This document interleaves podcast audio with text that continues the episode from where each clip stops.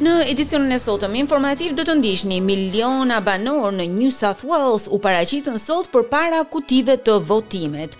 Protestat në Francë anullojnë vizitën e mbretit Karl dhe sot Kosova përballë Izraelit në eliminatoret e Kampionatit Europian të Futbollit.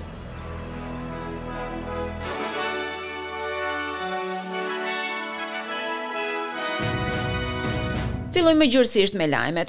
Më shumë se 4 milion votues në New South Wales u paraqitën sot tek qendrat e votimit për të vendosur se kush do të udhëheqë shtetin e tyre. Gati një e katërta e votuesve morën vendimin e tyre me anë të postës, një pikë dy milionë vota janë depozituar tani në Komisionin e Zgjedhjeve. Kryeministri Anthony Albanese tha se dëshiron që ta shohë shtetin e New South Wales të drejtuar nga laboristi Chris Minns.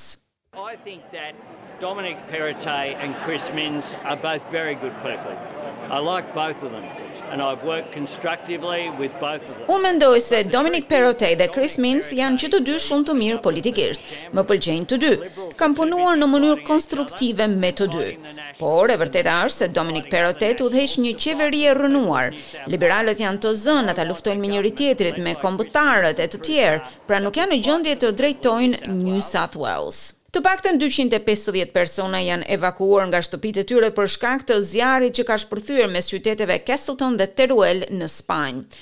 Zyrtarët kanë bërë të ditur se pesëmbëdhjetë avionë po punojnë në kuadër të luftës së zjarrit, i cili deri më tani ka prekur mbi një mijë hektarë tokë e ka evakuuar dyqind e pesëdhjetë persona nga shtëpitë e tyre. Presidenti Joe Biden dhe kryeministri kanadez Justin Trudeau kanë vendosur të shpallin një marrëveshje e cila synon të frenojë fluksin e azilkërkuesve në kalimet kufitare të Shteteve të Bashkuara të Amerikës dhe Kanadasë. Marrëveshja vjen pasi Biden bëri vizitën e tij të parë në Kanada si president. Bisedimet mes Trudeau dhe Biden prekën gjithashtu edhe luftën trembëdhjetë mujore në Ukrainë, shpenzimet ushtarake, shqetësimet e përbashkëta për agresivitetin e Kinës, dhunën dhe paqëndrueshmërinë politike në Haiti. Zoti Biden dhe Trudeau u takuan për bisedime private përpara se presidenti i Shteteve të Bashkuara të mbante një fjalim në parlamentin kanadez, ku foli rreth marrëdhënieve mes dy vendeve.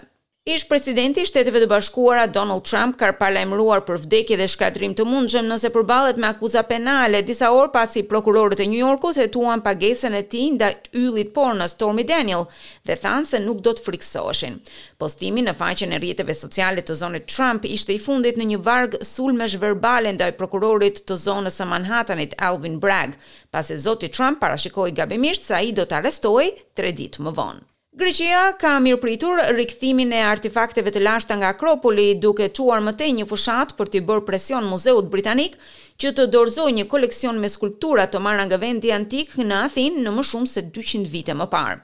Ministrja e Kulturës, Lina Mendoni drejtoi një ceremoni, sipas të cilës u riatdhesuan tre fragmente të skulpturës që përfaqëson një kalë e dy koka mashkullore nga tempulli i Partenonit në Akropol, i ruajtur në muzetë e Vatikanit. Sekretari i Vatikanit për promovimin e unitetit të krishterë, peshkopi Brian Farrell, thotë se do të dëshironte që të shihte rikthimin e më shumë artefakteve. This is a small part of the immense treasure. Kjo është vetëm një pjesë e vogël e thesarit të jashtëzakonshëm. Do të ishte e jashtëzakonshme nëse gjithçka do të rikthehej në një farë mënyre.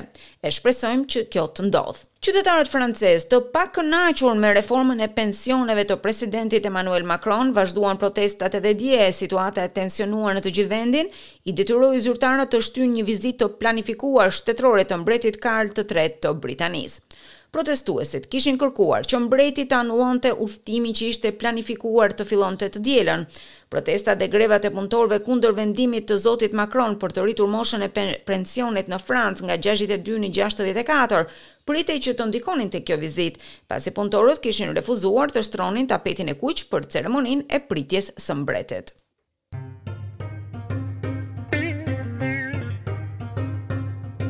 Kalojmë në kursin e këmbimit të valutës australiane. Një dollar australian sot këmbehet me shtatëdhjetë pikë pesë lekë shqiptare, zero pikë gjashtëdhjetë e një euro, zero pikë gjashtëdhjetë e gjashtë dollarë amerikanë, tridhjetë e shtatë pikë nëntë denarë maqedonas.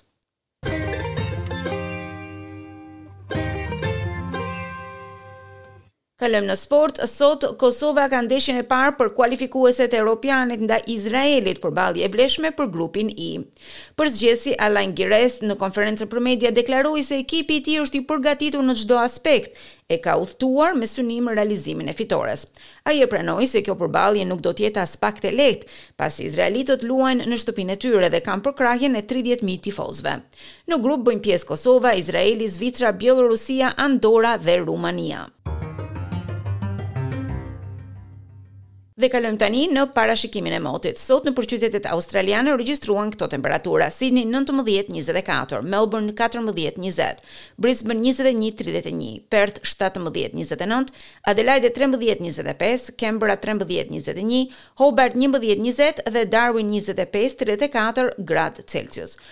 Për nesër byroja e parashikimit të motit sjell këto temperatura, Sidni nëntëmbëdhjetë njëzet e pesë, Melbourne dymbëdhjetë njëzet e një, Brisbane njëzet e dy tridhjetë, Perth tetëmbëdhjetë njëzet e gjashtë, Adelaide pesëmbëdhjetë njëzet e tre, Canberra dymbëdhjetë njëzet e tre, Hobart tetë njëzet e një dhe Darwin njëzet e pesë tridhjetë e katër gradë Celsius. Dëgjuat edicionin informativ.